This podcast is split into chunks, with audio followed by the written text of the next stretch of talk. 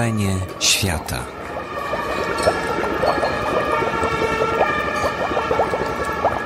Wiki Radio oraz Instytut Reportażu zapraszają do wysłuchania spotkania zarejestrowanego w faktycznym Domu Kultury przy ulicy Gałczyńskiego 12 w Warszawie 17 listopada 2015 roku. Na opowieść o murze i o mieście bez upiększeń zapraszają autorzy tekstów składających się na antologię tekstów o Berlinie Mur. W rozmowie udział wezmą Agnieszka Wójcińska, Juliusz Ćwieluch i Maciej Wasielewski. Prowadzenie Mariusz Szczygieł. Współpraca Wydawnictwo Czarne. Chwilę. To jest takich książek teraz nie wychodzi dużo, a kiedyś mam nawet w torbie właśnie książki zapomniałem, żeby Kiedyś takich zbiorów reportaży pisanych przez różnych autorów wychodziło bardzo dużo. Mam takie dwa z lat 80. Potem chyba gazeta miała taką ładną tradycję, że wydawała wybrane reportaże co roku. Tylko, że Gazeta Wyborcza, wydając yy, takie swoje antologie roczne, wydawała teksty już drukowane, a tutaj mamy do czynienia z tekstami premierowymi, yy, które powstały specjalnie dla tego projektu. A, ale tylko tak już chciałem powiedzieć tylko tak, o tutaj mamy taką książkę Jak żyć. Yy, Ekspres Reporterów to wydał, yy, marzec 80 roku. Jak żyć? Rodowód, przeszłość, ambicje, rodzina, praca. No, od razu się odechciewa czytać. E, grupa reporterów napisała teksty o Polakach przed e, ósmym zjazdem partii e, w roku 1980. E, I już tu jest też kilkanaście nazwisk. No i od marca do sierpnia to jest ile? 8 minus 3, 5. Pięć miesięcy później e, też Ekspres Reporterów wydał zbiorową książkę z reportażami 18 długich dni. Ekspres Reporterów, edycja specjalna. Chodziło oczywiście o sierpień roku 80, strajki sierpniowe. Ciekawe jest tylko to, że zupełnie inne nazwiska pisały teksty na, przedzjazd, przedzjazdowe, a zupełnie inne nazwiska e, teksty sierpniowe. I jak się spojrzy na te nazwiska, e, to ostały się i do dzisiaj są e, popularne w reportażu, jak Państwo myślą, które? No te sierpniowe oczywiście. To są różni znani reporterzy. Proszę bardzo. Małgorzata Szejnert, Wojciech Giurzyński, Ryszard Kapuściński i tak dalej, i tak dalej. A tam no, Wisław Łuka, to Wisław Łuka przeżył, chciałem powiedzieć, znaczy przeżył w literaturze faktu, o tak muszę powiedzieć. To jest Ryszard Kapuściński. Tam też jest Kapuściński? W tym, na ten nadpartyjny? Ja tylko zastanawiam się, kto to jest Ryszard Kapuściński. Nigdy nie słyszałem o Naprawdę? Naprawdę. Jak ci to powiedzieć? W jednym zdaniu. Ktoś. Ja myślę, drodzy Państwo, że mm, ta książka Mur jest yy, po pierwsze o wiele piękniej wydana. Myślę, że można ją porównać z tą drugą książeczką, to znaczy z tym wkładem, bo to oni opisywali sierpień i to też był pewien rodzaj projektu, który narzuciła historia. A czy ten projekt narzuciła Wam historia? Czy ten projekt narzucił Wam grant z Unii Europejskiej? Czy ten projekt narzucił Wam się sam, bo uważaliście, że no, Berlin taka sytuacja, takie sytuacje graniczne wymagają opisania. Skąd się to wzięło? Czy ten projekt narzucił nam historię? No pewnie, pewnie w pewien sposób tak, ale narzuciła nam ten projekt też e, taka myśl, że szukaliśmy jakiegoś tematu, bo chcieliśmy w grupie reporterów, którzy się zebrali razem i założyli stowarzyszenie. E, Podajmy nazwę, Rekolektyw. Rekolektyw, tak. E, chcieliśmy coś wspólnie zrobić na początek swojej działalności. No i szukaliśmy jakiegoś tematu, który byłby z jednej strony w pewien sposób na czasie, ale z drugiej strony byłby też pojemny. I byłby takim tematem, że każdy mógłby tam znaleźć coś dla siebie i zinterpretować to, a wydawało nam się, że to hasło mur jest na tyle symboliczne i pojemne właśnie, i można je rozumieć zarówno dosłownie, i takie teksty są w tej książce, jak i e, metaforycznie, jak i też jako pewien punkt wyjścia, no, że każda z tych osób zaproszonych do projektu e, będzie e, mogła go przełożyć na swój własny język i swoje zainteresowania, bo na tym nam zależało, żeby też nie narzucać. Po to, żeśmy powołali stowarzyszenie, żeby nie mieć tak jak w codziennej gazecie, że coś każą ci napisać, tylko żeby móc pisać o tym, co, co nas interesuje i poświęcić na to A, dobrze, większą ilość czasu. ale czekaj, co do Unii Europejskiej, to uściślimy, to nie była Unia Europejska, tylko Fundacja Współpracy Polsko-Niemieckiej, która w ogóle bardzo wspiera działania e, reportażu, więc... Ale tak, jako e, redaktorka nie narzucałaś autorom, że muszą e, sprawdzać tekst albo że muszą, e, jest jakaś e, określona, określony limit objętościowy? Nie no, mieliśmy pewien określony, ale dość szeroko, bo y, określiliśmy tylko sobie między, tak wstępnie między 20 a 30 tysięcy znaków, jeśli dobrze pamiętam, ale też zdarzało się, że to się wahało trochę, no bo y, nie chodziło o to, żeby robić na akord, tylko w dobrej jakości. Ja mam pytanie, kto z Państwa czytał tę książkę, żebyśmy wiedzieli, jak o niej mówić. Jedna osoba? My Trzy, też. Cztery. Dobrze. To jest tak, większość nie wstała, w związku z tym zaproponuję, bo to jest... E, A prowadzący nie podniósł ręki, proszę Państwa. Podniósł. Nie Podniósł czy nie? No, a co tutaj jest? Jest Zegarek. Tak trzymam, no. E, To w związku z tym poprosiłbym Cię, Agnieszko, jako dyrektorkę tej książki, gdybyś mogła, gdybyśmy mogli przejść e, przez tytuły wszystkich tekstów i powiedziała o jednym zdaniu, jest taki, taki słowny teledysk. Sławny teledysk. Tak, to taki trochę jak poprosił mnie Maciek, żebym powiedział, to jest Ryszard Kapuściński, ja tego słownego teledysku nie mam, ale ja to sobie wymyślę.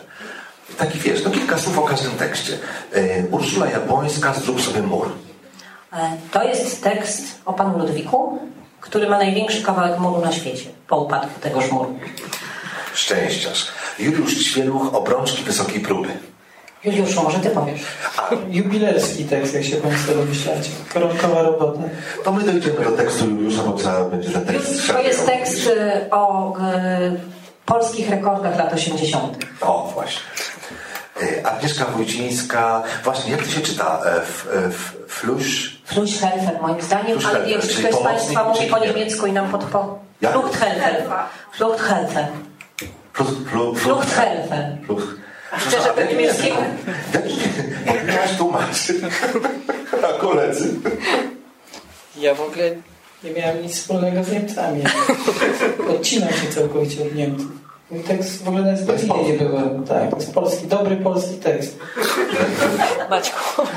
Maciek po angielsku. Ja to załatwiłem po angielsku. Tak. Dziękujemy bardzo. No, no to powiedz, o czym jest twój, ten f, f, flu, flu, flucht, e, Fluchthelfer. Jest, proszę Państwa, pomoc, to jest pomoc. tak? To jest pomocnik ucieczki. Pomocnik ucieczki, ucieczce. no. Nie ma polskiego słowa na to, na to Pomocnik dlatego też ucieczce. taki jest tytuł. No, powiedziałabym, że to jest e, tytuł, znaczy, że to jest tekst jednak o pewnym szaleństwie. Mm, też się zgadzam z tym. E, Ante Ravik Strubel, przesunięcie fazy. A czemu powin, pominąłeś rewolucję? A, Maciej Wasilewski, przepraszam, rewolucja Waltera K. Jak byś powiedział w jednym słowie? W jednym zdaniu. W jednym zdaniu, przepraszam. To jest zapis e, jednego dnia spędzonego w, e, w nowozelandzkim kurorcie z panem po przejściach, który, który odświeża swoje przeróżne wspomnienia.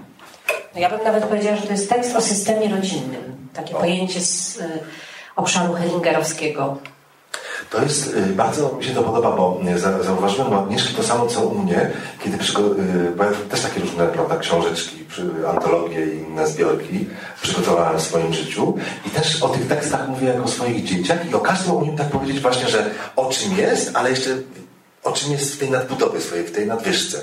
I Agnieszka już od razu opowiadała o tych nadwyżkach w tekście. No to teraz mi postawiłeś poprzeczkę, wiesz, jeszcze tyle tekstów przed nami. No to dobrze, przesunięcie fazy. Przesunięcie fazy jest y, o cyklicznym kalendarzu chińskim. No to tak trochę enigmatycznie, może tak jeszcze dodaj. No może Państwo przeczytają. Aha. On, ono jest, ten tekst, chociaż on nie jest o tym, co się teraz dzieje, to jest też o tym, co się teraz dzieje bardzo, chyba najbardziej w tej książce, choć myślę, że i inne trochę tego tematu dotyczą. Katarzyna Blejwo, tylko nie matura, córeczko. To jest tekst o zabójstwach honorowych, które dzieją się za ścianą. Natasza Gramberger, pan człowiek z kliniki Berlin-Buch. To z kolei o tych, którzy nie nadążyli za zmianą. Kaja Puto, Zimowit Szczerek, Ich bin ein Berliner.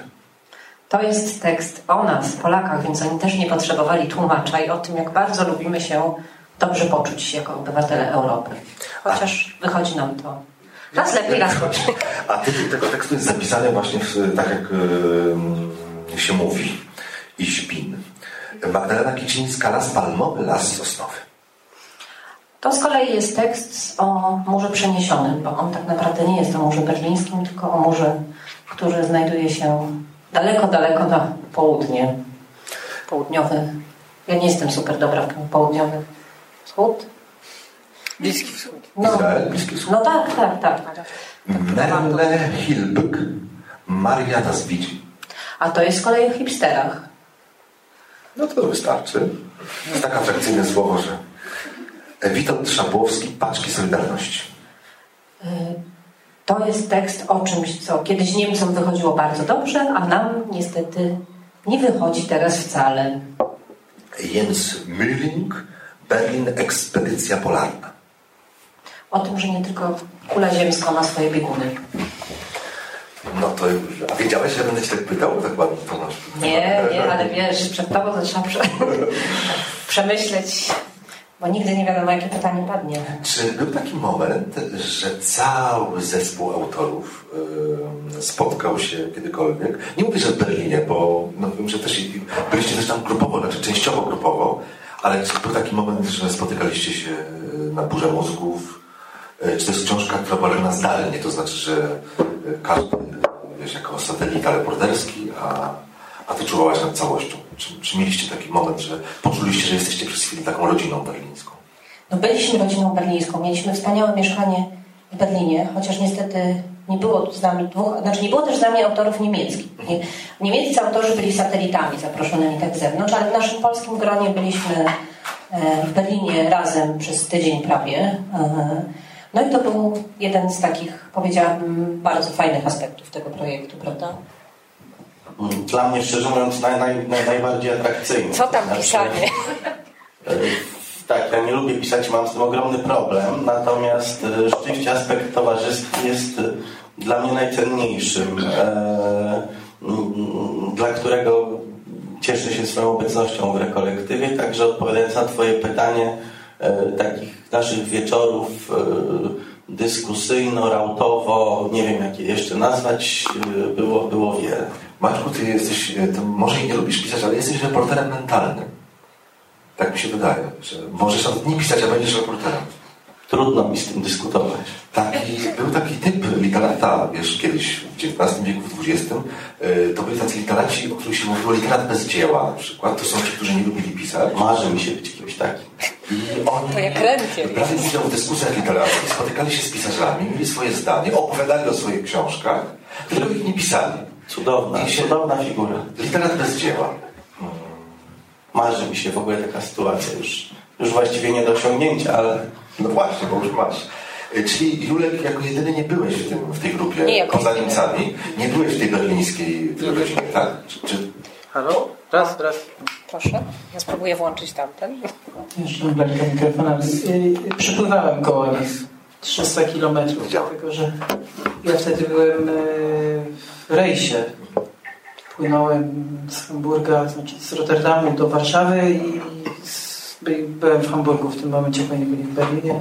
300 kilosków.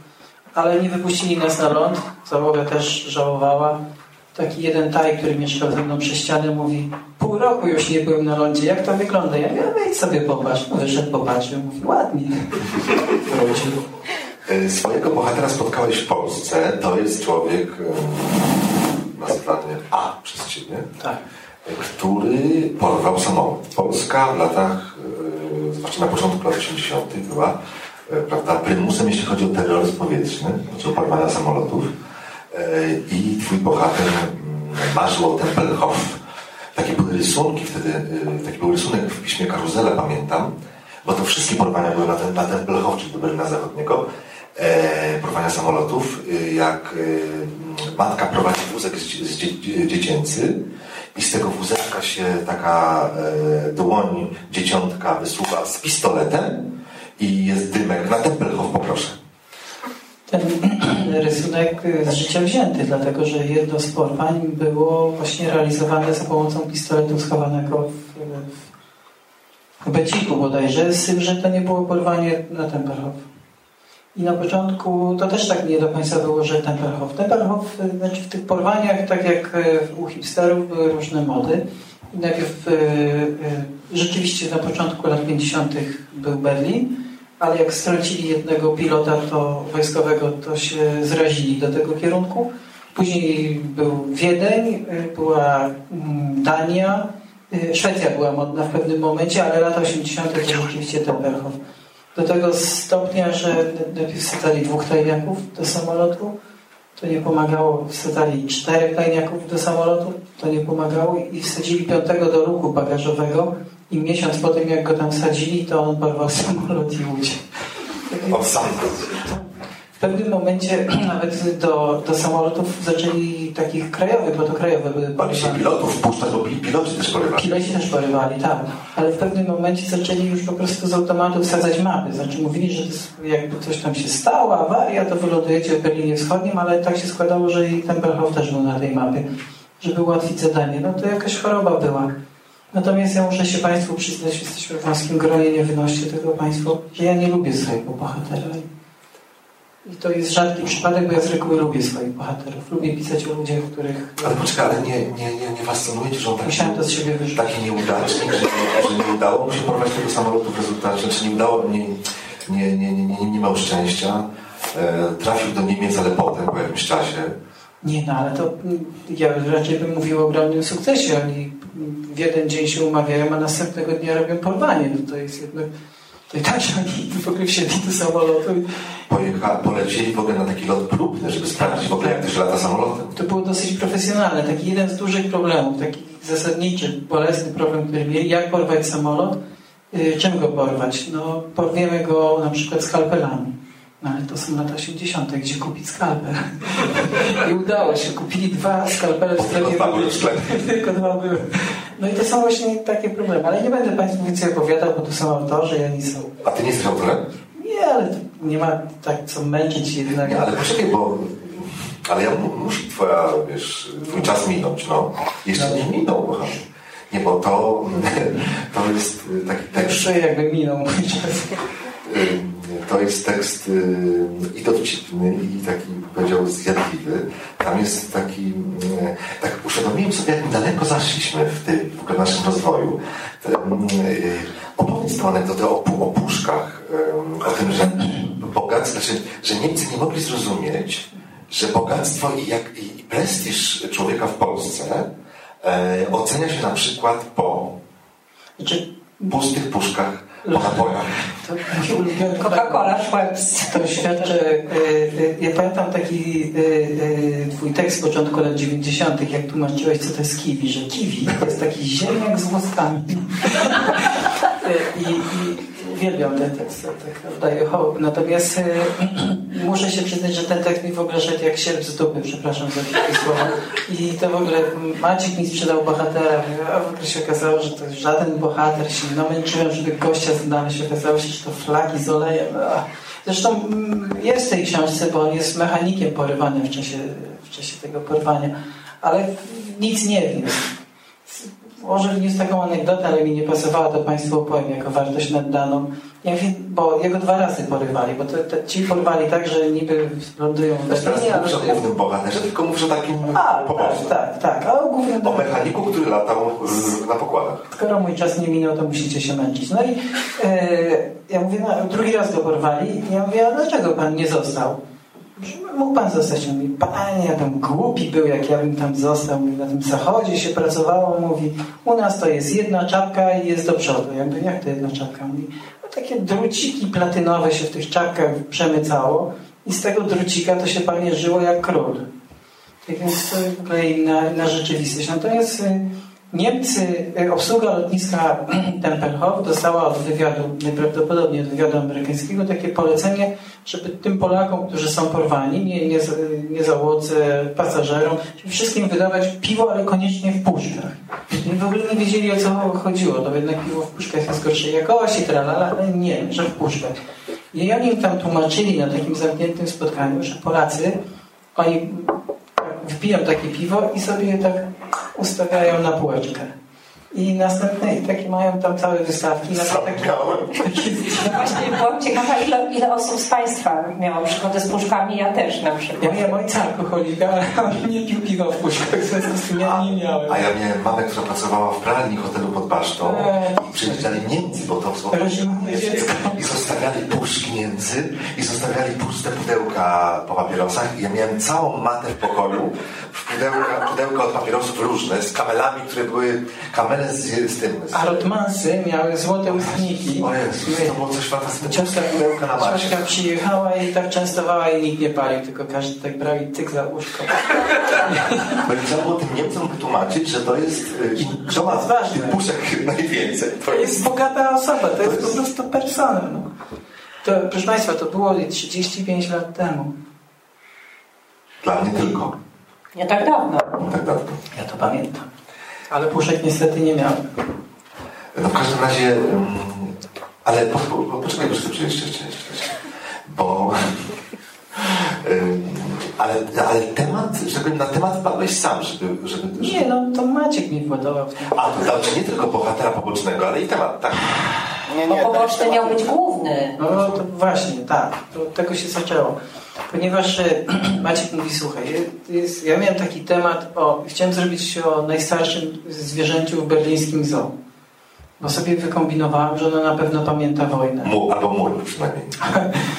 No, że będę miał jakiś pretekst, żeby tam pojechać. No i jakby Berlin no to, to to, zwierzę mnie jakoś tak napadło. Tym bardziej, że chciałem zagrać tą paralelą, że w, w, zwierzęta z warszawskiego zoo, czy Państwo wiecie, zostały ukradzione i wywiezione do berlińskiego w czasie wojny. To zresztą się dla nich źle skończyło, bo później je zastrzelili. Zresztą w warszawskim je w 1939 dyrektor zastrzelił dużo zwierząt, zwłaszcza tych dzikich osobiście, bo bał się, że w czasie bombardowań uciekną. I w tych miejscach, w, w tych klatkach, gdzie, gdzie te zwierzęta zastrzelone już nie mieszkały, bo zastrzelone, byli ukrywani Żydzi.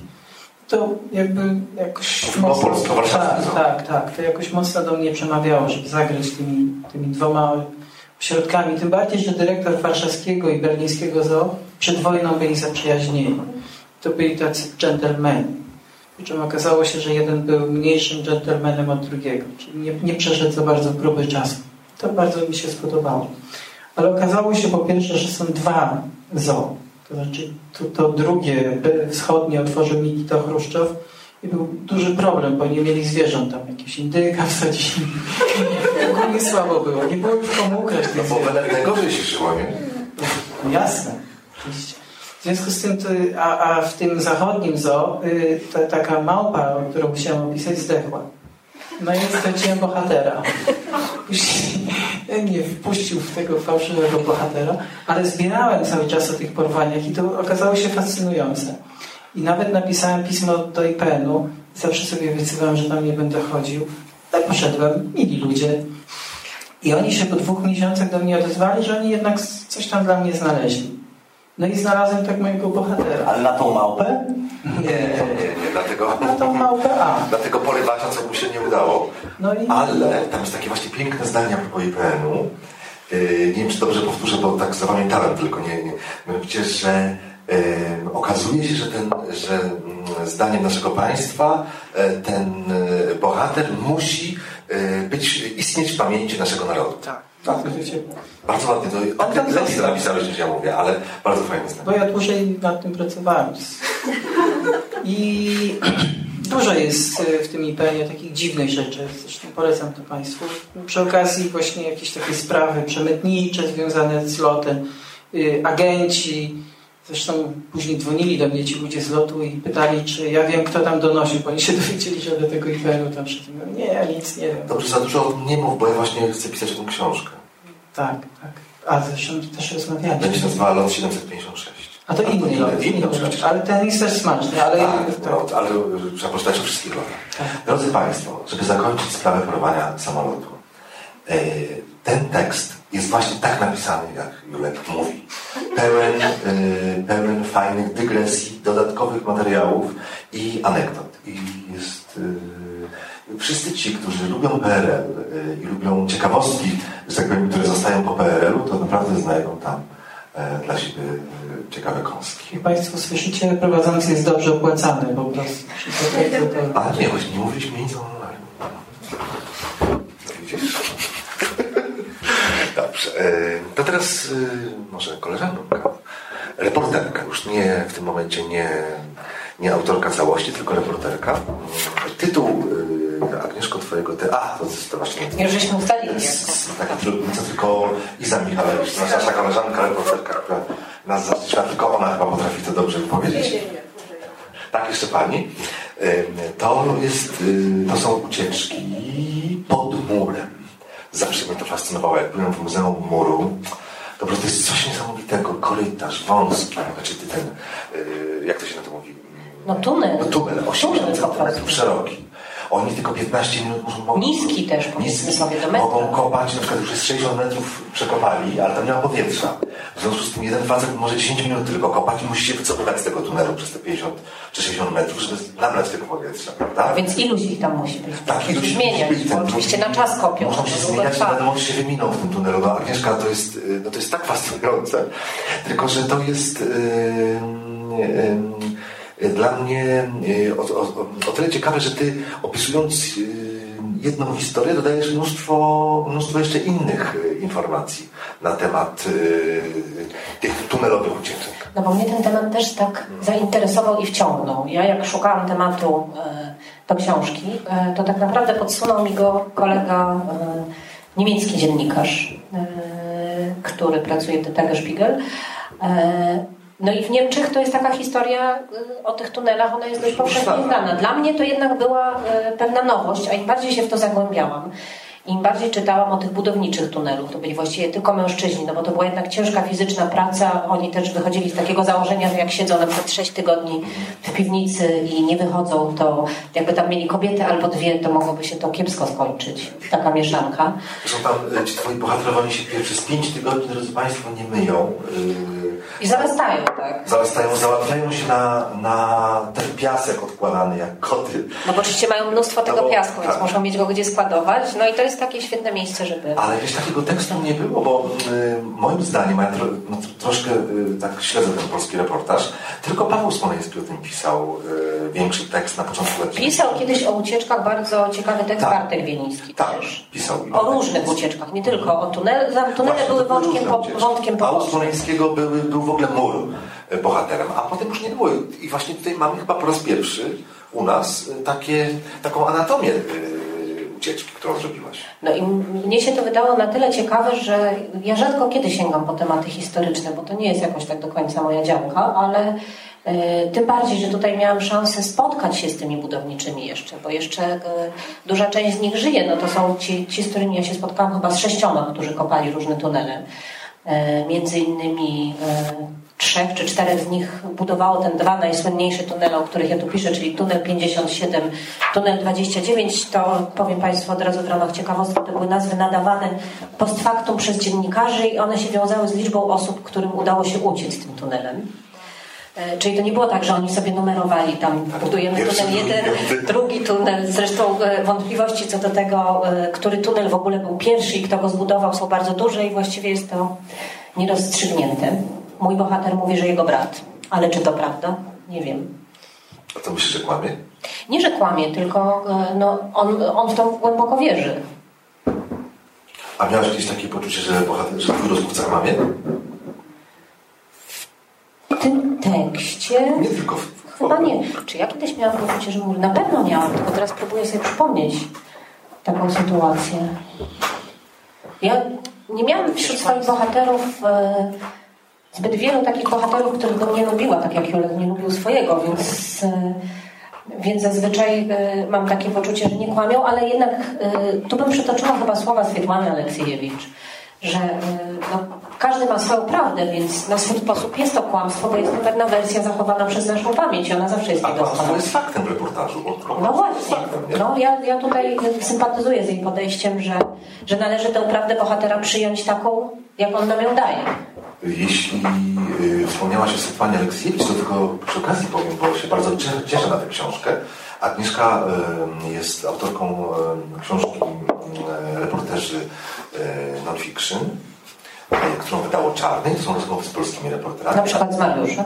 No, też, ale teraz będzie książka ze światowymi reporterami, w tym ze Swietłaną Aleksiejewicz.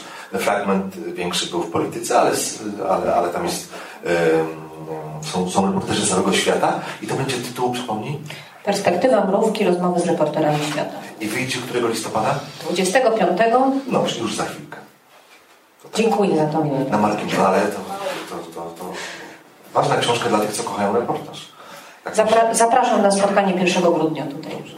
Jurku, przepraszam, e, jeszcze mam do Ciebie pytanie jednak.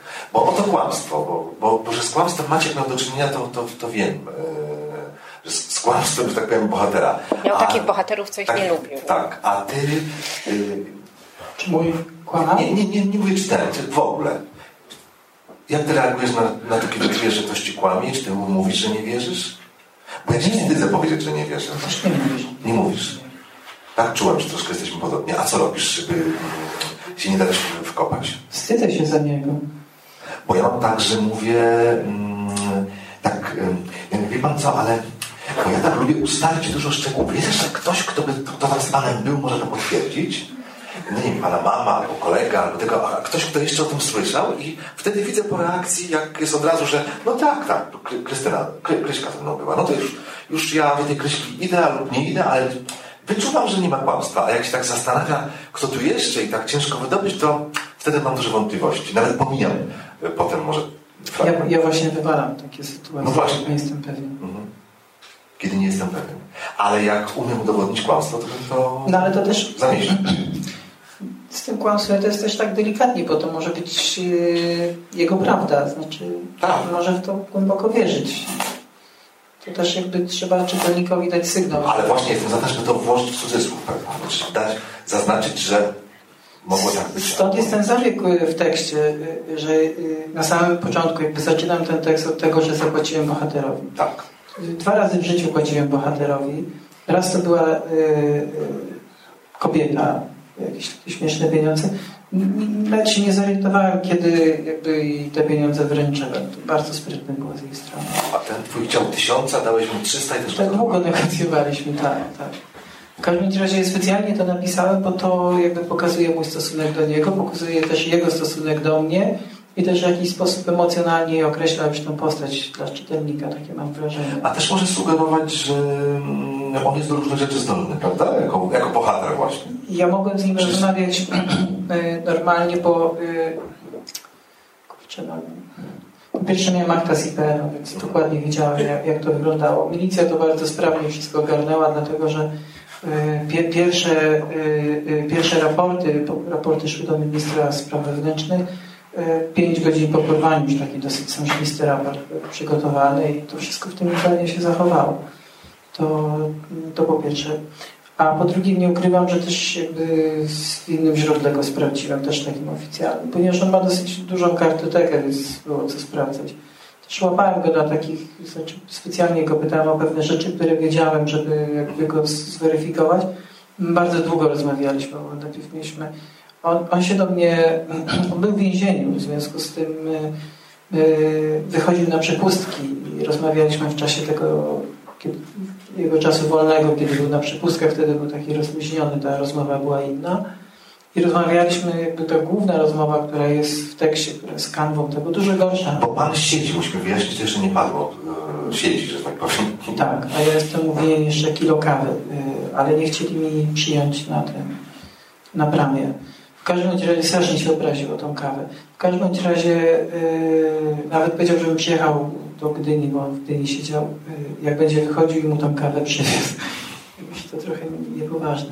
No nieważne. W każdym razie jakby sprawdzałem go w ten sposób, że widziałem coś tam z papierów wychodziło i, i go o to pytałem. Mało tego, miałem tego drugiego bohatera, który był w trakcie porwania, więc widziałem, jak oni się zachowywali.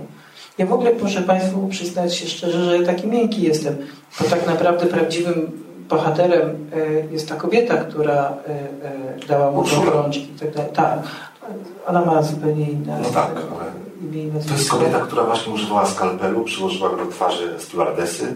W pewnym momencie przejęła po prostu to porwanie, dlatego Tak, że oni, kierownictwo. oni wymiękli, ale też sytuacja była taka, że oni się... Ale poczekaj, trzeba powiedzieć, mówiła stewardesie, nie zabiję Tą ładną, śliczną twarzyczkę.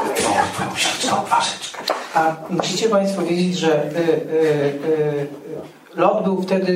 mm, no to, to, mniej, to ciężko mi, to mniej więcej tak jakbyście poszli do zarządu teraz Orlenu albo coś takiego. No.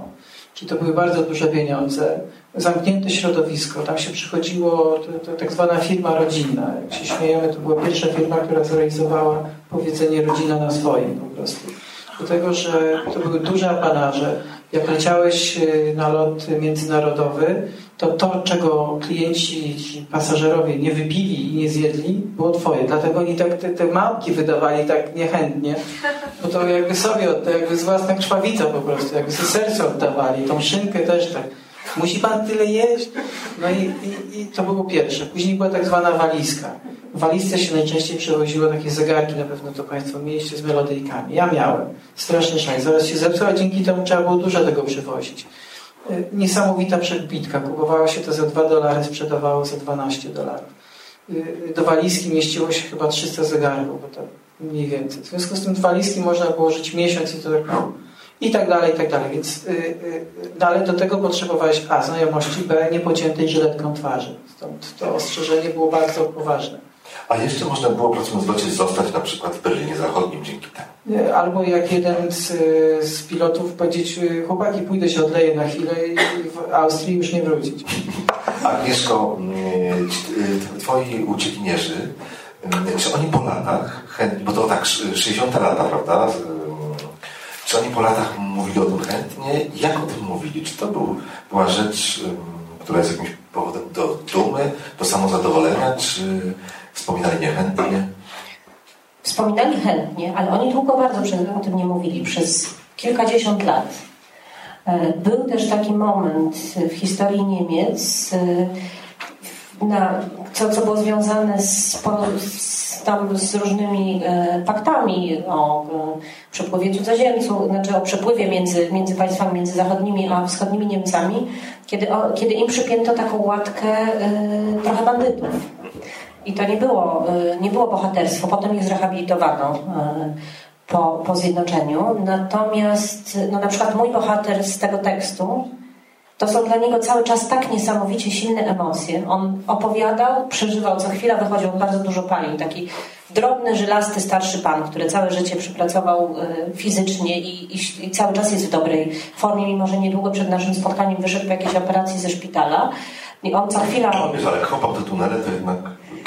To było mniej więcej nie cały rok temu, ale było dość chłodno. I on co chwila wychodził, tak wyziębiał mnie i tłumaczył, wychodził na balkon i tam wydmuchiwał te e, nieprawdopodobne ilości dymu za balkon, trochę dmuchając do środka. Ale, e, ale te emocje i w ogóle to, że, e, że to było też dla niego widać takie szalenie nobilitujące, że, że to interesuje kogoś, kto przyjechał z innego kraju, kto chce, chce to opisać tę historię. Różnie, ale myślę, że wszyscy, bo ja, wszyscy, wszyscy ci moi rozmówcy opowiadali to wciąż z takim dużym natężeniem. Y, Mogę Państwu też zdradzić taką historię, która niestety tu mi się nie zmieściła, a była dość dramatyczna. Ona jest zresztą e, Teraz w Wysokich Obcasach był mój reportaż o innej historii tunelowej, bo ja po prostu tyle zebrałam tego materiału, że było mi go szkoda o takiej love story tunelowej. Tego nie będę zdradzać. Natomiast e, to jest historia e, związana z budową tunelu 57, która zakończyła się dla części uczestników dość tragicznie, a zwłaszcza tragicznie się zakończyła dla takiego żołnierza, pogranicznika wschodnio-niemieckiego, e, który zginął. Został zabity e, w trakcie próby zatrzymania tych e, budowniczych tuneli, którzy zdążyli zresztą uciec. No i ponieważ ja rozmawiałam z trzema Fluch, e, którzy byli, e, którzy byli uczestnikami tych wydarzeń, to dla nich e, rzeczywiście to cały czas była taka historia bardzo, no bardzo żywa, powiedziałabym, po tych latach, zwłaszcza, że oni też zostali oskarżeni o zabicie go, a de facto on został zastrzelony przez swojego kolega żołnierza, który zaczął strzelać, to było ciemne podwórko, ten wcześniej trafiony przez jednego z, pogranic- z tych fluchhelferów akurat się podnosił, no i został tak poszatkowany jak sito i zginął na miejscu. Młody, młody człowiek, 24 lata, nauczyciel, który służył, miał właśnie akurat służbę wojskową e, i został e, takim mimowolnym bohaterem. To znaczy szkoły nazywano jego imieniem, ponad chyba 60 szkół było nazwanych. Ulice, gdzie to wszystko miało miejsce, przemianowano z Strelicer Strasse na e, Egon Schulz Strasse na wiele lat po, po, wmurowano mu szereg tablic pamiątkowych w Berlinie, pod którymi co roku składano kwiaty i tak dalej. Ale i tak dalej. ulicy już nie ma. Ulicy już nie ma, znów jest y, To dziękuję Ci bardzo. Tak? Coś chcesz jeszcze dodać? Nie, A Ty już mówili, że czas się kończy. Pięć minut. Ale kolega... Czas Agnieszki. Znalazłeś jakiś fajny Ja kawałek. chciałem Państwu przeczytać fragment tekstu Agnieszki. Dobrze? Mogę? Tak, bardzo się Ale wkładam. świetnie. Ale to ważny fragment. O pierwszej w nocy z 12 na 13 sierpnia 1961 roku w ścisłej tajemnicy i z doskonałym przygotowaniem granice miasta zostały zamknięte. Na początku rozwinięto drut kolczasty. Następnego dnia element po elemencie zaczęła się budowa muru. Zdarzało się, że lewa strona ulicy była zachodnia, a prawa wschodnia. Tu jest y, nazwa ulicy, której Państwu po niemiecku nie przeczytam. W budynkach po wschodniej stronie władze zamknęły drzwi i zamurowały zachodnie okna, bo ludzie skakali z nich na stronę wolności. Także ci, którzy mieszkali na wyższych piętrach, jak Ida Sykman, owdowiała pielęgniarka, której jedyna rodzina, czyli siostra, znalazła się po stronie zachodniej i która skoczyła z trzeciego piętra. Ja Państwu czytam ten fragment, bo na mnie zrobił bardzo duże wrażenie, dlatego że ja muszę przyznać, że nie wiedziałem, że to tak wyglądało. Że to tak stryknęli palcami i machnęli w jeden dzień. Też mi się wydaje, że to jakby jest ważne w kontekście wydarzeń, które są teraz koło nas, bo jakoś strasznie to przeżywam, że można wstryknąć palcami i coś zrobić w jeden dzień. Ta książka się Można zaczyna... zrobić mur w jeden dzień oczywiście. Można zrobić mur w jeden dzień. I to nie koniec murów. Jak uczy historia. Maćku, twój bohater. Yy, To jest, to jest Państwo troszkę inny tekst niż yy, inny typ tekstu bym powiedział, troszeczkę niż tekst Agnieszki i Burka. Mianowicie yy, czyta się go jak takie literackie opowiadanie, yy, które mm, takie le- leciutkie bardzo bym powiedział. Spotyka Maciej, czy reporter, przepraszam, mówić. Maciek, dobrze. Nie, narrator, nie ma reportera i nie ma Maćka, jest narrator. Narrator spotyka ciekawego faceta na kempingu, tak to można nazwać, właściwie na wakacjach, który tam sobie rozpala ogień, robi makaron i zaczynają rozmawiać, tamten troszkę jest tajemniczy i nagle podczas tej rozmowy wychodzą takie bardzo ciekawe szczegóły dotyczące jego życia. Okazuje się, że jest y, Nie synem zdradzaj, nie zdradzaj. nie synem kogoś bardzo znanego, tylko to. E, e, I nagle się okazuje, że, że wszystko co ważne, powiem wszystko, wszystko co ważne w życiu tego człowieka, jego rodziny, jest opowiedziane przez Maćka tak przy okazji. To jest bardzo imponujące w tym tekście. Właściwie mm, ktoś nieuważny, czytelnik nieuważny i zły czytelnik, o tak powiem, bo są też zły czyli czytelnicy, czytelnik zły i nieuważny, yy, gdyby tak czytał niechlubnie, to by myślał, co, co, co, to w ogóle jest jakiś tutaj, spotkał jakiegoś gościa yy, na kempingu, yy, robią makaron z, z gorgonzolą i,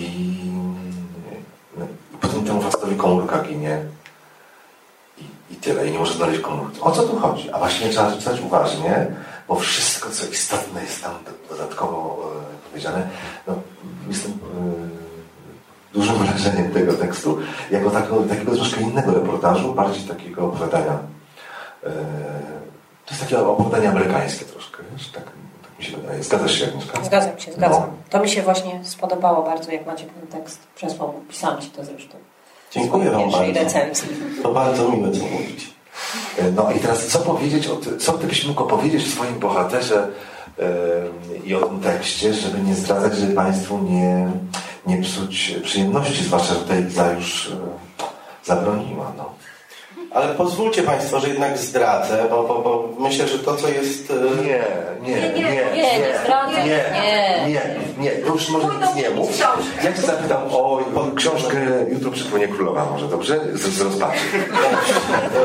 Dobrze. Dobrze, więc, więc E, Powiedz tylko, to był przypadek, że spotkałeś tego... to był totalny przypadek, daję słowo, słowo honoru. Sytuacja wyglądała tak. e, To był mój pierwszy dzień e, w Nowej Zelandii. Ja w ogóle do tej Nowej Zelandii też nie wybrałem się turystycznie, tylko, tylko stamtąd chciałem się przedostać mm, na wyspę Pitcairn, co mi się ostatecznie wtedy nie udało.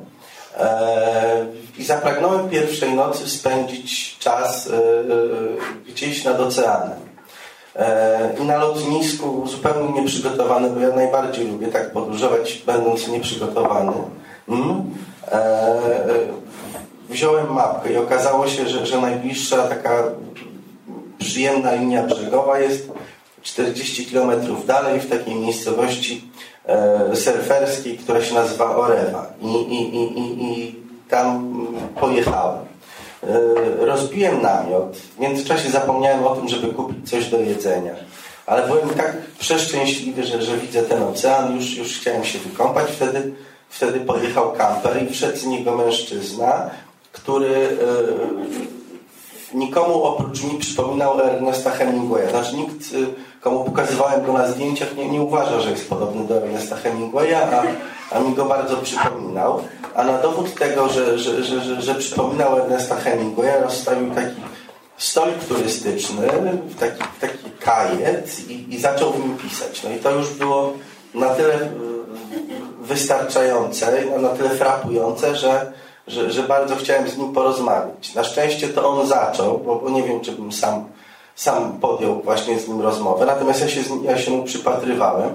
No i od słowa do słowa zaproponował mi wspólną kolację i, i e, opowiedział historię swojego życia, która, która, była niez, która jest niezwykła. E, niezwykła nawet właśnie chyba dla mnie, pomimo to, że, bo właśnie pomimo to, a nie, a nie e, dlatego, że jest synem, e, jest synem Tego- kogoś, tego kto, człowieka. kto, kto, kto, kto e, w tym zjednoczeniu Niemiec odegrał no bez mała e, dużą rolę. Jan Paweł II. Tak Wałęsa. No właściwie. To był żart oczywiście. No, żarcik. ale jakoś tak Tłumaczył, ja pamiętam, zrozumiałem. Wyleciało mi z głowy, co, o co miałem zapytać teraz. Maćka. Rolę kościoła w zjednoczeniu Niemiec.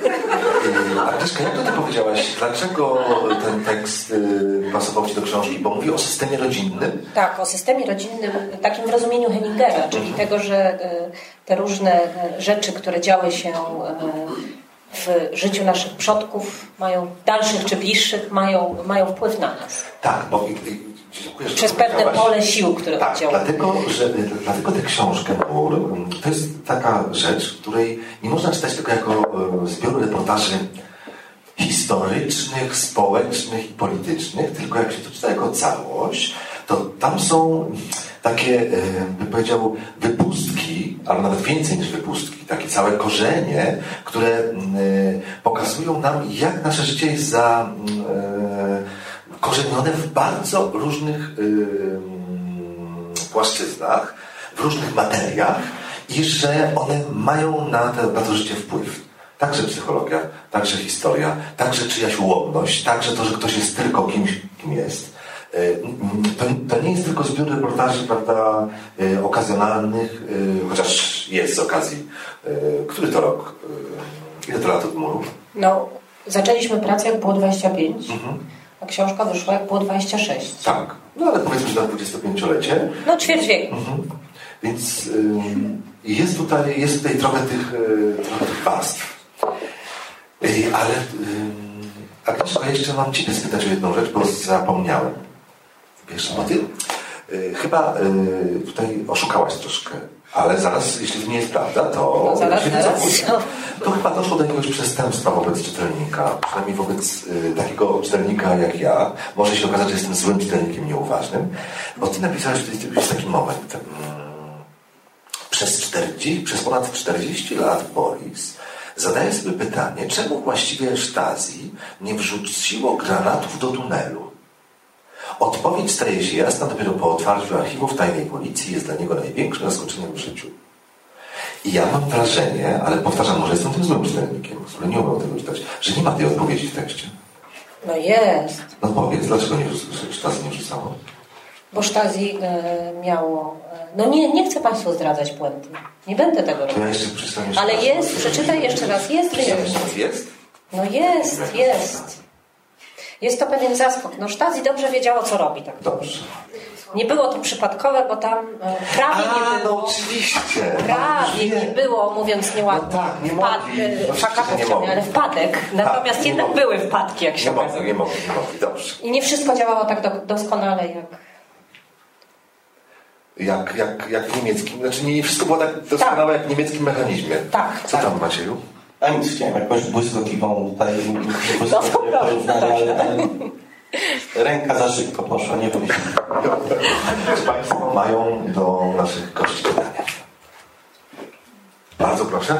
Ja mam pytanie do e, pana Macieja, ponieważ mi się bardzo podobało to opowiadanie, nie zdradzę e, o kim jest, ale powiem, miałem podsumować, to jest taka mikrohistoria w makroświecie.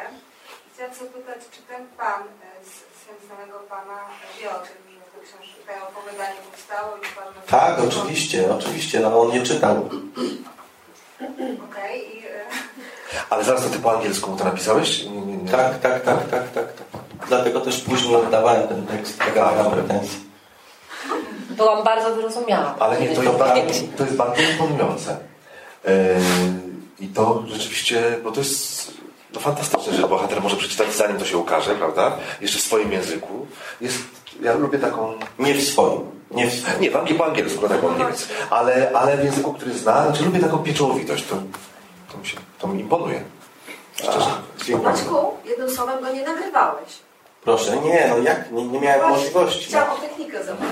Natomiast, y, natomiast y, no znów, no powiem, bo, bo, bo myślę, że to nie ma sensu mówić, że było inaczej. No, to, że odbyła się ta rozmowa, to jest jedno, ale później jak gdyby y, tych rozmów y, naszych było zdecydowanie więcej i z nich tak naprawdę no, stworzyłem ten tekst. Ten wieczór. Natomiast, natomiast ten wieczór się odbył i ta rozmowa się odbyła wtedy. Natomiast Natomiast e, no to jest takie doda dodawanie po prostu. Znaczy ja cały czas uważam, że to jest wszystko w ramach formy i Tak, to czuję się z tym dobrze. Coś dla Ciebie.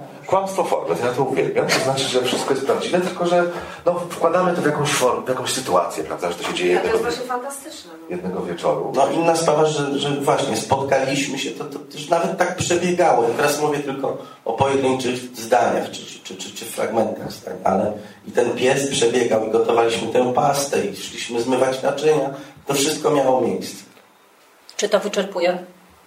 Nie wiem, czy tak, Odpowiedź na pani. pan też jest teraz pisarzem, tak? Czy to jakoś em, też może wpłynęło na tą albo nie wiem, czy o, co wiem... to- Nie znaczy to, to, jest, to jest, czy on jest pisarzem, myślę, że i on o sobie nie powiedziałby, że jest pisarzem, jest autorem rzeczywiście dwóch książek, może już w tej chwili trzech, natomiast, e, natomiast to są poradniki, on, on, on, on poradniki i pamiętniki. I, i, i, i pełnią funkcję terapeutyczną dla niego, to, to, są, to są pozycje, które spotkały się w, w Niemczech z, z, cieszą się ogromną popularnością. Te książki świetnie się sprzedały, natomiast, natomiast no to jest no nie pamiętam kto to powiedział, ale, ale tymi wyznawcami, to takie już banalne zdanie, tak, ale że tymi wyznawcami radości są, są zwykle ludzie najsmutniejsi i to jest, i to jest e, taki przykład człowieka, który na każdym kroku teraz mówi o, o tym, jak jest bardzo pogodzony ze sobą e, mm, i to, to, to właściwie no, w każdym zdaniu gdzieś, gdzieś, gdzieś e, jak refren się pojawia. I takie są też jego książki, które To Emoj takich lubi.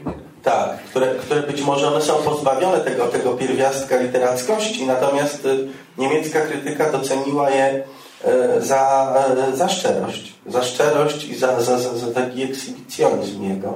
Widocznie mu bardzo potrzebny do tego, żeby funkcjonować. Czy jeszcze jest pytanie jakieś? Jeśli nie ma, to ja zapytam o Filipa Springera i jego zdjęcia, które umaiły, że tak powiem, bardzo ładnie. Umaiły. Umaiły tę książkę. Y, Gdybyś, gdyby Państwo nie wiedzieli, y, że to jest Berlin, to można powiedzieć, że są zdjęcia z Warszawy. Czy ja wiem? Znaczy, ze dwa rzeczywiście mi się kojarzą. Już takie zdjęcie z taką bujną roślinnością na mało przykład. atrakcyjne estetycznie miasto. Nie zgodziłabym się z tym twierdzeniem w odniesieniu do żadnego z tych miast. Myśmy Filipa, bo prawda jest taka, że myśmy chcieli, żeby Filip nam też napisał tekst do tej książki. A Filip powiedział, strasznie dużo ostatnio piszę, jak mi pozwolicie e, zrobić zdjęcia, to chętnie wezmę z wami udział w tym projekcie. Więc myśmy powiedzieli, ok, znając jego wcześniejsze e, dokonania na tym polu i to, że no jest nie tylko reporterem piszącym, ale też fotografem i podobnie jak reszta, jak pozostali autorzy, e, dostał wolną rękę w swoim pomyśle na temat. Jak przyszedł z tematem na blizny, bo e, Filip fotografuje blizny po murze, to bardzo nam się to spodobało. I To jest właściwie złożone te zdjęcia. Tutaj zresztą może warto Jedno, powiedzieć, bo Filip też był nasz, z naszą rodziną i to był też dla nas wszystkich chyba takie bardzo ciekawe doświadczenie, żeby zobaczyć, jak bardzo różnie każdy z nas pracuje. Bowiem Filip jest chyba najbardziej pracowitym reporterem, jakiego znam. Jest dla nas wszystkim takim niedościgłym przodownikiem pracy, który wstawał codziennie o 8 rano z aparatem, czy tam z dwoma aparatami, wychodził e, do miasta, miał taki program, miał taką aplikację, jest taka aplikacja, jakby ktoś z Państwa e, był w Berlinie, bardzo ją polecam. E, Można sobie na e, iPhone'ie, ale chyba na Androidzie też zainstalować, która prowadzi właśnie śladami muru. I się tam różne informacje otwierają. I on tak wychodził i przemierzał ten mur przez te 6 czy 7 dni. Wracał o godzinie 19 z kebabem, z jednym małym piwem, zjadał kolację, chwilę z nami porozmawiał.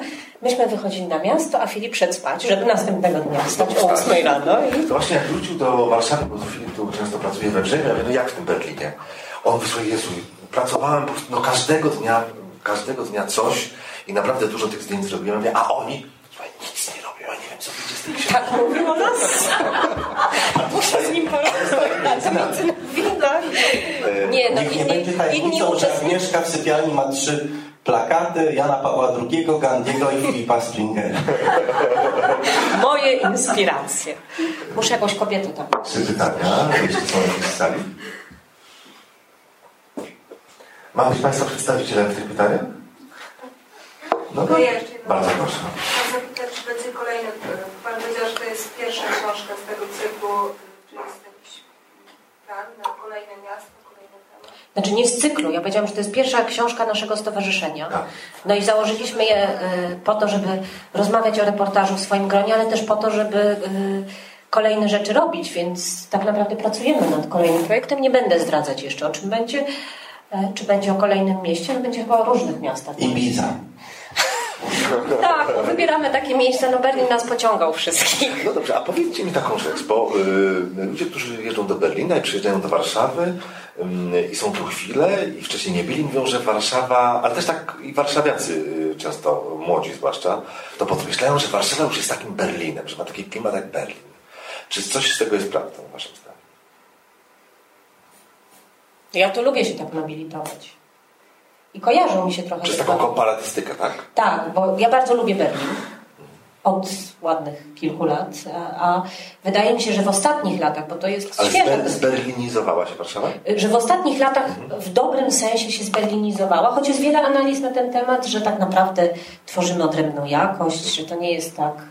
Bo z kolei e, bohaterowie tekstu e, Magdy Kicińskiej, e, którzy przyjechali do Berlina z Izraela, mówią, że to jest Tel Awiw Europy. Co też jest taką, więc rozumiem, że jesteśmy kolejną A w czym widzisz tę, Emanacją. tę, tę berlińskość Warszawy? Wiesz co, widzę ją, widzę ją w takim zderzeniu resztek starego i nowego, ale tym razem nowego, które jest fajne i powstaje i też e, w takiej e, pewnej dynamice i w tym, że to jest jednak, bo jak się jedzie do innych miast niemieckich, to tam jest znacznie bardziej statycznie Tak.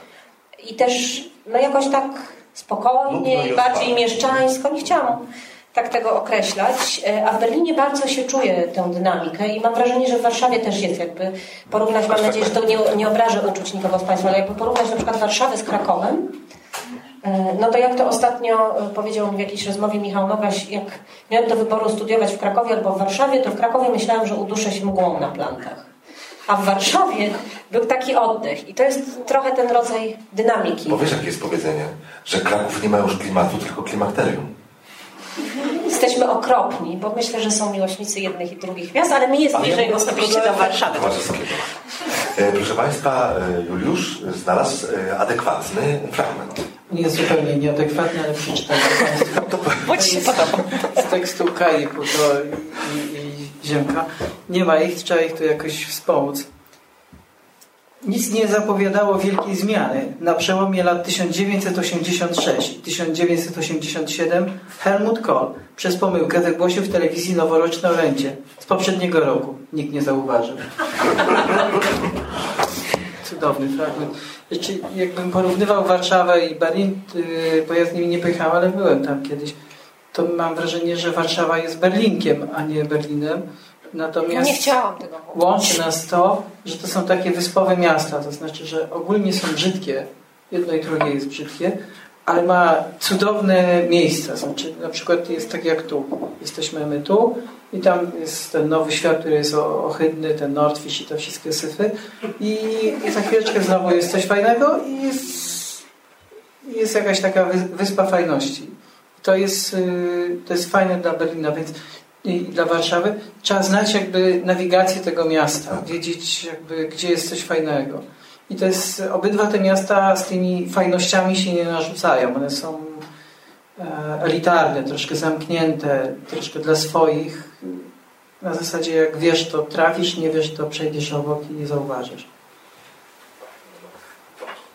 Mi trudno jest odpowiedzieć na to pytanie, ponieważ najszczerze na świecie ja nie widzę miejsc i miast, tylko naprawdę ludzi. To jest coś, co mnie interesuje i, i przykuwa moją uwagę. I Warszawa, Berlin to są miejsca, tak, w których, w których jakoś nie jestem w stanie e, pozwolić sobie na to, żeby, żeby je opisywać. Nigdy nie byłbym na pewno dobrym, e, dobrym mm, autorem opisu jakiegoś krajobrazu, miejsca. Także, także mnie na takie... Stasiuk to umie robić, nie? No, To tak, Springer tak, też to tak. Springer też. No właśnie, To szkoda, że go z nami nie ma. Na pewno ciekawie odpowiedziałby na twoje pytanie. Jest w Ostrołęce. To co, to, co mi się kojarzy z Berlinem, to właśnie wtedy, kiedy byliśmy, przyłączyłem się tak zupełnie przez przypadek. Akurat znalazłem się w dzielnicy, której nazwy teraz nie pamiętam, ale to jest ta taka najbardziej anarchistyczna dzielnica. Kreuzberg? Otóż to, Czy Neu- Neufeld? nie, nie, Kreuzberg. No i tam właśnie przyłączyłem się do takiej manifestacji, która, która była całkiem sporą manifestacją. E, właśnie emigranci, e, którzy, którzy e, mm, e, żyli od, od, od nie wiem, dwa miesiące, dwa lata w Berlinie, e, e, manifestowali w obronie swoich praw i w- w azylu, chcieli azylu. E, towarzyszyła im taka dosyć duża grupa niemieckich policjantów e, i oni wykrzykiwali e, takie hasła właśnie precz z rasizmem, zostawcie nas w spokoju. E, i, i, i, towarzyszył im ten, ten, ten kordon policji. Ci policjanci szli bardzo spokojnie, uśmiechali się. E, proszę mi wierzyć, że tam nie było żadnej, żadnej agresji z ich strony.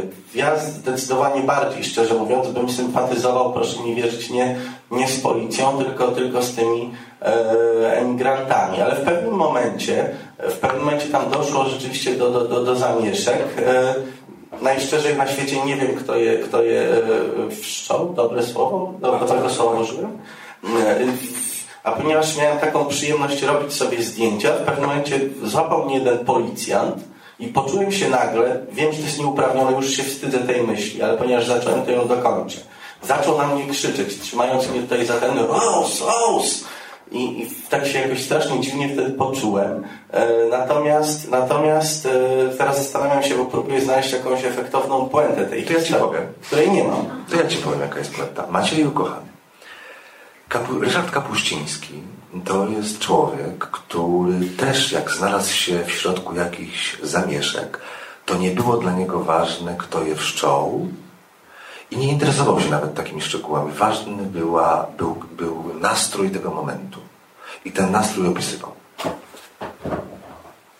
A to już jest poeta, to już jest koniec. Teraz sobie sprawdzisz o Ryszardzie, co? Sprawdzę. Ale co, nie mam racji do tego Kapuścińskiego? No tak właśnie. Za kilka dni odbywa się tutaj festiwal e, pani Hanny Kral. Ale jak jest to jeszcze to krótka anegdota a propos tego żartu z Kapuścińskim. Kiedyś miałem przyjemność parę lat temu siedzieć przy jednym stole właśnie tutaj z, z Mariuszem i z panią Hanną Kral. Pozwoliłem sobie na taki nie, nie, nie, nie, nie, niesforny żart w stosunku do niej. Ja podziwiam twórczość pani Kral, ale siedząc przy jednym stole zapytałem się, a kim był Marek Ederman? No i pani y, Kral naprawdę nie, nie, nie, Czułem to, że, że po prostu za, znaczy tak, no, zachowała tak totalnie fason i z taką elegancją i z tym odpowiedziała. E, napisałem kiedyś książkę o lekarzu. Gdyby pan kiedyś miał czas, proszę przeczytać. I, I zrobiła to tak pięknie, tak pięknie odpowiedziała w ogóle nie, nie, nie znaczy ukrywając Zdumienie, zdumienie. Tak. Myślę, że bulwersację. być może. Tak. Także przepraszam za, za, za, za ten żart. Za... Nie, ale dobrze, bo wiesz, coś jakieś, y, mamy analogię między Kapuścińskim a tobą troszeczkę. Błagam cię. Ja mam ci przeczytać, jak ty zacząłeś to swoje opowiadanie, jak ono, jak tam No te zdania dobrze brzmią. Proszę cię, nie No. bawmy się, nie bawmy się w takie słodzenie, naprawdę. Ale wiesz co, to jest absolutnie prawda. No. I zaproszę. jed- Jedyna rzecz, którą słuchajcie, wyjęłam teraz, bo wzięłam na chwilę tutaj od pana książkę, e, otworzyłam na opowiadanie. Właśnie byłam ciekawa Wasilewskiego w pierwszym rzędzie. Otworzyłam i zaczęłam czytać i tak po prostu już myślałam, że już nie wyjdę z tego opowiadania. E, zaczyna się fenomenalnie, jest w ogóle fantastyczne. Doczytałam do fragmentu, w którym ujawnia się, kim jest bohater. Zamknęłam to, zobaczysz. zaraz pójdę ją kupić. Nie, nie, przed spotkaniem zajrzałam, bo nie, nie, nie znam tej książki, tak, więc sobie, że pójdę ją kupić, zaczyna się fenomenalnie, Maciek pisze fantastycznie i to jest coś niezwykłego. Czy są jeszcze pytania? A prawda jest taka, że jest Izą lubiły i dlatego to Ale to nie ma nic wspólnego ze słodzeniem, Nie ma, absolutnie. nie ma dla niego metody. Absolutnie. Jest między nami na Dobrze. Nawet wszyscy wiedzą, że jestem bezczelna i mówię to, co myślę. O, właśnie. Dziękuję serdecznie. Pani redaktor, powiedz, ja mam takie pytanie na koniec, skoro nie ma już pytań, a nasza, nasze spotkanie yy, chyli się ku końcowi. Yy, twoja, yy, twój wstęp do książki kończy się takimi retorycznymi pytaniami. I tak sobie pomyślałem, że może byśmy spróbowali, znaczy może byś spróbowała odpowiedzieć tak króciutko na te pytania retoryczne. Ale one są retoryczne. Ale, ale może znajdziesz, bo tak świetnie prze, są- przedstawiłaś te reportaże, bo Agnieszka pyta tak. Czy dzisiaj mur Jegoreński to jedynie skomercjalizowana atrakcja turystyczna? Nie. Co może? Bardzo dobre pytanie retoryczne. Wydaje mi się, że nie.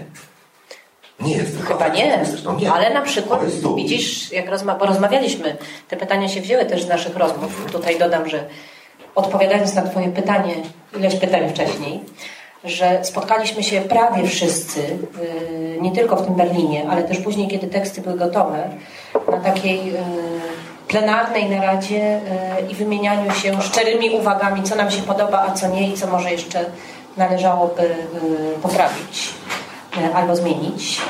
E, I o tym też rozmawialiśmy, ale na przykład, no i na przykład w czasie niektórych rozmów z Filipem Springerem, e, to ten wątek komercjalizacji wybijał się bardzo silnie. Tak? Więc jak widać, można różnie na ten temat myśleć. Czy mur w ogóle runął?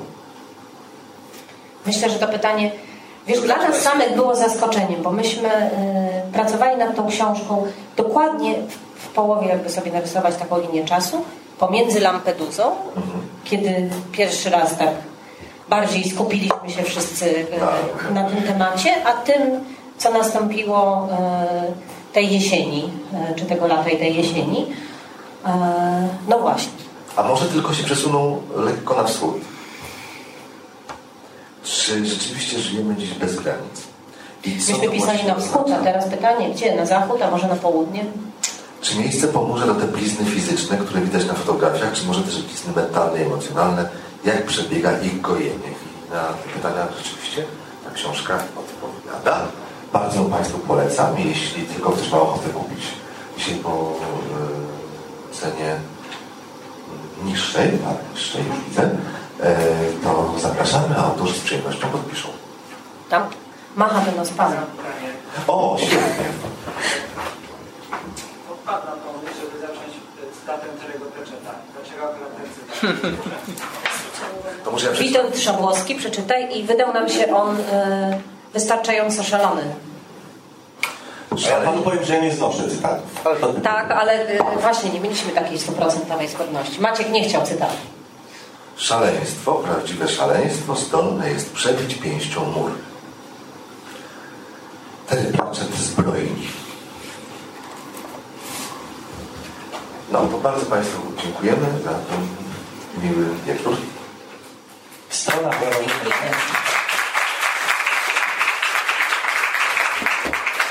Dziękuję bardzo. Fundacja Instytut Reportażu zaprasza do swojej księgarni z literaturą faktu i kawą Wrzenie Świata na ulicy Gałczyńskiego 7 w Warszawie. Wejście przez bramy Nowy Świat 48 i Nowy Świat 52.